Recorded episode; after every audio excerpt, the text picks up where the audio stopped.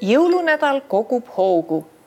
kaubanduskeskused on puupüsti rahvast täis ja kui ühed raha kulutavad, siis peab sellest kellelegi ka kasu olema. me vaatame majandusaastale kaks tuhat kakskümmend kolm tagasi koos majandusanalüütik Peeter Koppeliga. Peeter, mul on väga hea meel sind siin näha. mul on väga hea meel siin olla no me oleme isegi jõulueelsel nädalal nüüd saanud viimastel päevadel just eh, järjest süngemaid väljavaateid, kuidas Eesti majandusel jätkuvalt ja edaspidi läheb. kas kõik on halvasti või on midagi ka hästi? no kõik päris kindlasti halvasti ei ole, tõepoolest, meil on olnud päris mitu kvartalit äh, majanduslangust ja see on tingitud peamiselt sellest, et meie peamistel kaubanduspartneritel ei lähe hästi. me oleme väike ekspordile orienteeritud majandus ja kui meie peamistel ekspordipartneritel hästi ei lähe, ei saa minna ka meil hästi mis ei ole halvasti, on see, et tegelikult äh, sellele on meie tööturg päris hästi vastu pidanud. ehk siis tööpuudus ei ole märkimisväärselt äh, kasvanud. ja see on midagi sellist, mis tegelikult äh, noh, mina ütleksin, on kõige suurem ja kõige mm, nii-öelda tavalise inimese jaoks kõige tajutavam probleem. ma kahjuks ei saa olla optimistlik, ütleme perspektiivis praegu kuni kevad, aga arvestades olukorda, siis jah, see on hästi tõesti, et tööturg on hästi vastu pidanud. no ekspordipartneritega on kehvasti jah, Rootsi teatas detsembrikuust kuus ametlikult, et nad on majanduslanguses nagu sa ütlesid, Soomes ei lähe hästi. Saksamaa puhul võib-olla on natuke lootust selles, et Saksamaa on hästi suur ja võib-olla mõnes sektoris seal läheb hästi. no tegelikult äh, asi ikkagi kipub olema veidikene selles, et mida me ekspordime ja kuhu me ekspordime. et äh, intressimäärad läksid ülesse, sellepärast et inflatsiooniga oli vaja võidelda. see võttis ära, rikkus Soome-Rootsi kinnisvaraturu ja kui me hakkame vaatama oma töötlevat tööstust, hakkame vaatama oma puidutööstust, siis noh, sisuliselt kõrgemad intressimäärad tekitasid selle olukorra, kus me praegu oleme. ja noh, kui nüüd minna päris tükk aega tagasi, siis sisuliselt meie oma praeguse langusega kannatame sellepärast, et kuskil Lõuna-Euroopas kunagi võeti liiga palju laenu. kui me vaatame maailma, siis äh, võrreldes kogu suure maailmaga, äh, kui halvas olukorras Eesti on?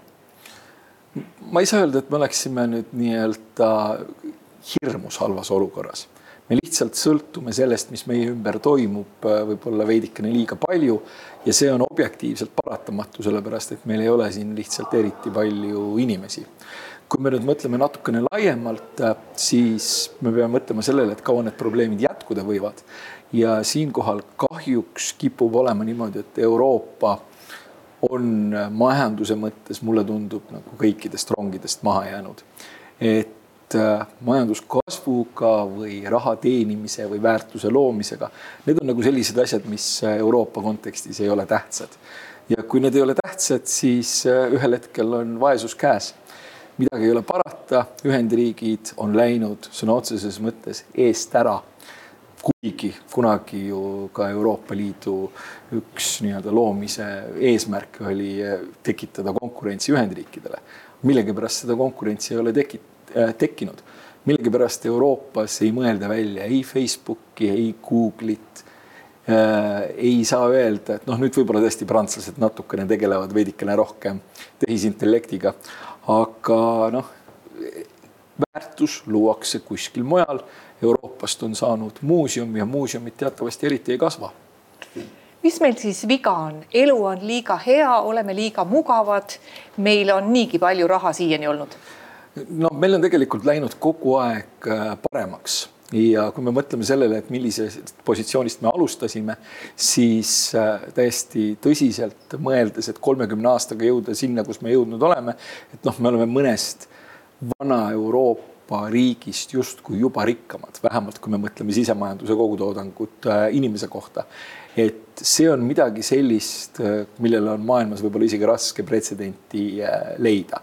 ehk siis meil on läinud tegelikult väga hästi ja nüüd on lihtsalt küsimus, et aga mis meist saab edasi, kui me nii-öelda avastame ennast olukorrast, et meie peamist, et me oleme ekspordipõhine majandus ja meie peamistel ekspordipartneritel hästi ei lähe. noh, esimene mõte loomulikult on hakata mõtlema sellele, et millised võiksid olla need ekspordipartnerid, kus läheb hästi ja kus läheb hästi veidikene pikema aja jooksul. see on esimene mõte. teine mõte on muidugi ka see, et kui me nüüd mõtleme sellele kinnisvaraturule ja sellele, et kuidas me oleme mingisugusel viisil noh, kasvõi Soome või Rootsi kinnisvaraturu küljes Äh, omadega kinni, siis nagu mainitud sai, kinnisvaraturg sõltub raha hinnast ja noh, raha hinna suhtes ootused vähemalt on sellised, et see läheb veidikene alla.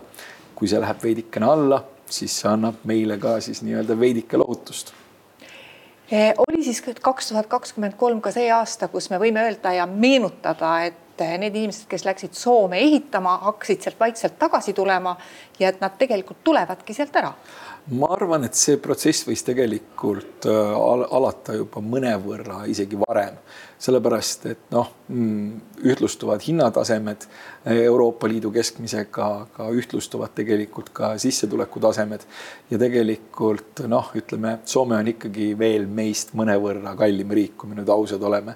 ehk siis tegelikult võib täiesti rahulikult juhtuda, et siin tehes sama palju tööd kui, kui Soomes saavutatakse juba veidikene parem elustandard. see on täiesti realistlik. nii et äh, jah, sellised võib-olla klassikaline nii-öelda Kalevipoeglus võib olla omadega läbi nii sellel põhjusel kui ka sellel põhjusel, et äh, noh, kallima raha kontekstis äh, see ehitamine kui selline äh, ei ole eriti aktiivne. noh, Soomes on kinnisvaraturg jääs. no ilmselt on siis ka nii, et need inimesed, kes olid vähegi ettevõtlikumad, aga kes üldiselt teevad lihtsamat tööd, läksid seda lihtsamat tööd tegema mujale maailma, sest mujal maailmas ja Euroopas maksti selle lihtsama töö eest lihtsalt natuke rohkem. ka see on varsti läbi?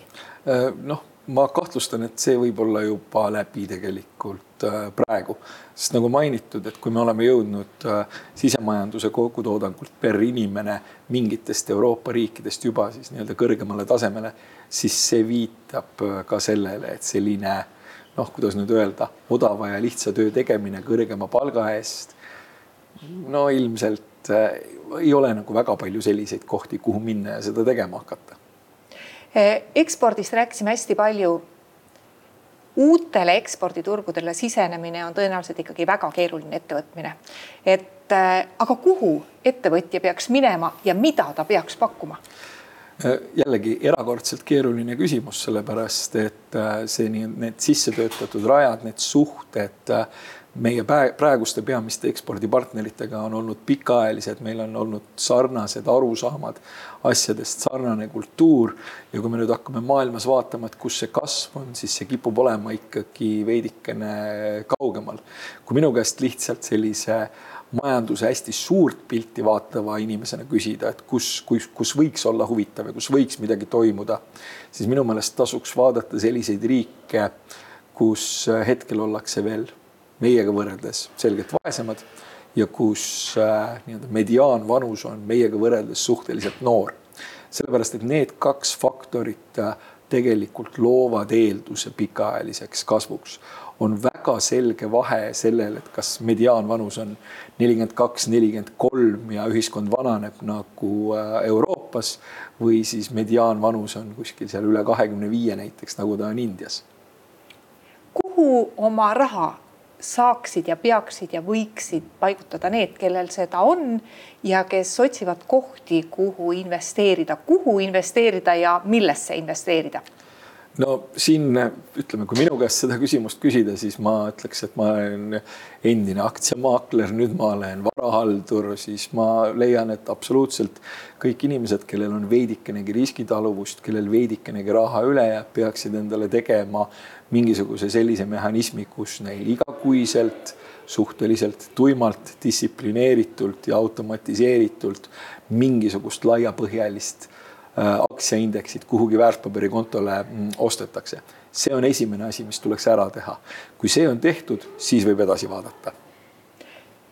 räägime natuke riigipoliitikast ka, sest meie riigi majanduslikud otsused teevad meil, nii nagu demokraatlikes riikides kombeks, ikka poliitikud kui headeks majandusinimesteks sa tänaseid valitsusliidu poliitikuid pead ja noh, võib-olla poliitik ei peagi ise olema spetsialist igal alal, aga ta peab hästi ja oskuslikult leidma endale nõuandjaid. et eh, kui häid majanduslikke otsuseid valitsus on teinud? see on alati erakordselt keeruline küsimus, sellepärast et äh, majanduses tegelikult on võimalik leida mm, kasvõi ajaloost toimivaid näiteid, äh, siis väga selgeid äh, tehnilisi seaduspärasusi, tehes asja A, juhtub asi B ja praktiliselt alati. nüüd see ei kipu poliitikaga eriti palju kokku käima, sellepärast et mingisugustel hetkedel poliitikas unustatakse ära, et vajadused on äh, suhteliselt suured, soovid on piiramatud, aga ressurss on alati äh, piiratud.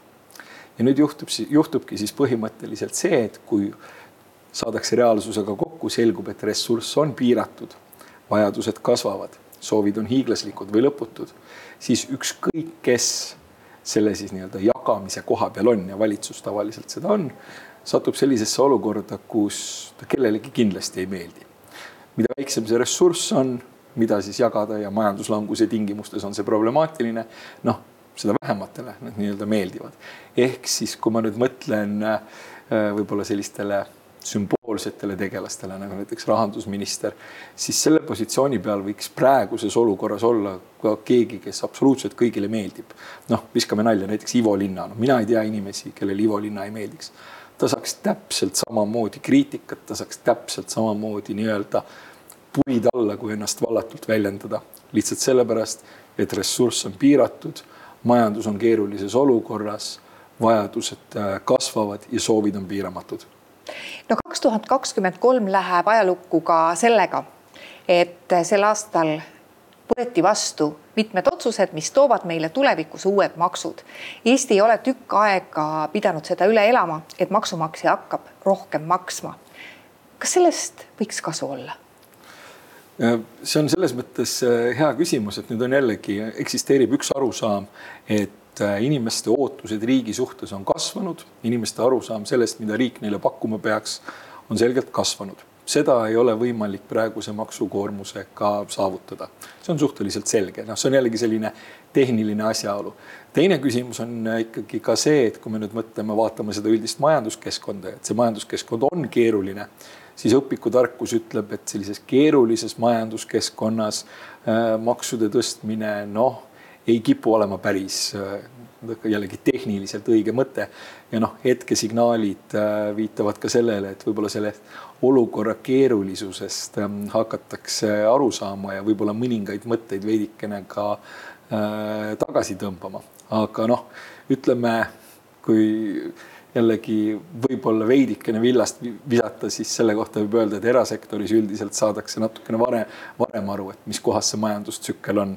Ja seetõttu võib-olla mingisugustel hetkedel oli see kriitika ka üpris kõva kaks tuhat kakskümmend kolm on ka see aasta, kus me tõenäoliselt enam Venemaaga äri ei ajanud, kui me vaatame mitte ainult Eestit, vaid Euroopat laiemalt, siis kas ärisidemed Venemaaga said sel aastal lõplikult katkestatud? kas me enam ei ole seotud Vene majandusega?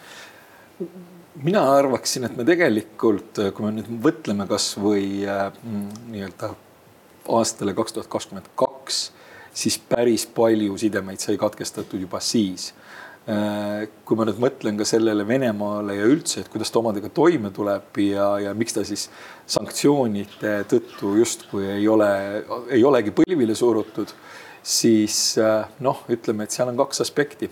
esimene aspekt on see, et äh, see, et ta ei ole sanktsioonide tõttu põlvile surutud, tähendab seda, et ega nad tegelikult ka enne eriti hästi ei elanud. Teine asi, mis on ikkagi huvitav või, või venelaste jaoks positiivne on see, et nafta hind on suhteliselt kallis ja nad suudavad seda võib-olla läbi erinevate natukene vallatumate ja keerulisemate meetoditega siiski maailmaturul äh, müüa. Äh, ja noh, ütleme, et Euroopa majandussuhted, need võiks, neid võiks loomulikult olla veelgi vähem. Aga seda, et nüüd sellise nafta hinna puhul venelased omadega toime ei tuleks, seda paraku ei ole. Eh, tänu väga tublisti kasvanud intressimääradel ei läinud pankadel just halvest, halvasti. Eh, kas tuleval aastal võiks kuidagi leeveneda, ma ei mõtle just, et pankadel hakkaks halvasti minema, aga pigem küll seda, et kas intressimäärad hakkavad nüüd alla tulema ja kuidas see meid mõjutab? no üldiselt turu arusaam hetkel on, et intressimäärad järgmise aasta lõpuks tulevad ikkagi, ma noh, ma ei saa öelda, et märkimisväärselt alla, aga nad tulevad alla ja mis veel võib-olla viimaste nädalate jooksul on juhtunud, on see, et see intressimäärade allatulemine on justkui varasemaks ja varasemaks nihkunud. et ühest küljest annab see selgelt sellist noh, leevendust ja lohutust kasvõi suvalisele kodulaenuvõtjale, aga teisest küljest, kui hakata nüüd mõtlema, et mikspärast need intressimäärade ootused alla on tulnud, on see, et et noh, eriti Euroopa puhul saadakse aru, et äh, noh, vaja on midagi teha, sellepärast et majandus on ikkagi suhteliselt äh, nõrguke. Äh, jah, teatud leevendus praeguse seisuga tundub, et selles osas on tulekul. mis puudutab seda, et kuidas võiks minna pankadel, siis noh, ütleme kindlasti neil on olnud suhteliselt hea meel teenida sellist netointressimarginaali sellises hästi kiiresti tõusvate intressidega keskkonnas. aga kui me räägime nõrgast majandusest, siis nõrgas majanduses üldiselt eh, ei ole eriti hea pankur olla, sellepärast et eh, ühel hetkel avastatakse, et eh, võib-olla üks või teine klient ei suuda oma laenu teenindada või ei suuda seda teenindada vähemalt sellistel tingimustel, kui esialgu kokku lepiti. hetkel seda veel ei paista, aga ütleme, kui me nüüd mingisugust sellist pessimistlikumat stsenaariumit äh, vaatame, kasvõi kohaliku majanduse suhtes, siis sellist asja ei kipu üldiselt olema, et äh, majandusel läheb äh, hirmus halvasti ja pankadel sellel ajal nagu hirm, hirmus hästi.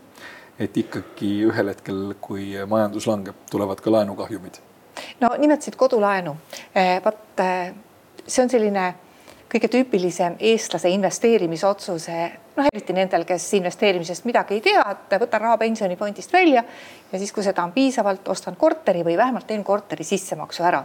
sa ise oled jahmatanud paar nädalat tagasi selliseid inimesi väljaütlemisega, et noh, et harjakapi suurune korter eh, maksab lihtsalt üle mõistuse palju. kas, kas niimoodi ei peaks tegema, kas ei peaks ostma seda harjakapi suurust korterit siis hirmus kalli, kalli hinnaga?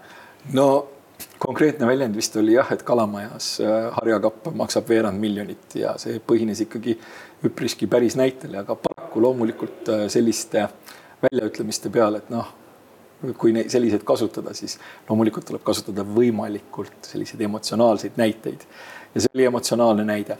mis puudutab, ütleme nüüd sellist mm, korterit kui kodu või, või, või kodulaenu kui investeerimisotsust, siis mina nihutaksin selle mõistest investeerimine siiski eemale. mina ütleksin, et see on laenuga tarbimine. et see on esimene, mis võiks olla selline nii-öelda mõtteviisi äh, muutus.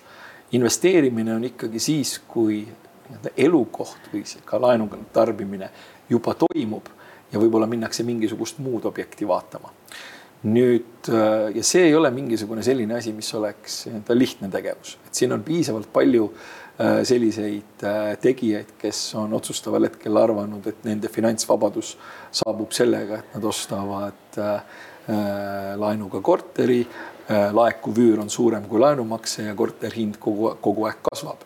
ja nüüd on üllatus-üllatus, laenumakse on kõrgem kui see üürimakse ja eriti see korteri hind ka kuhugi ei liigu väga pikas perspektiivis julgen ma väita, et kinnisvara üldiselt on hea mõte.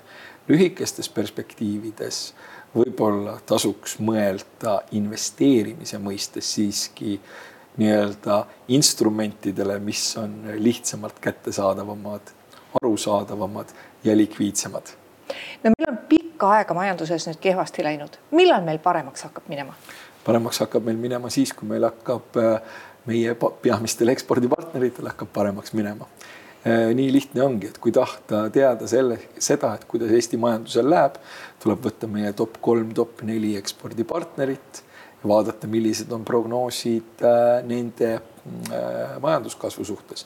ja võib-olla vaadata veidikene ka seda, et kes need, kes selle prognoosi on teinud ja kuidas nende prognooside täppiminek nagu varasemalt on olnud, sellepärast et noh, ütleme nii, et äh, minu kogemus, noh, ka vist peaks olema juba kakskümmend viis aastat varsti majandusega tegelemist ja jälgimist on, on selline, et äh, tõusude prognoosimisega saadakse suhteliselt hästi hakkama.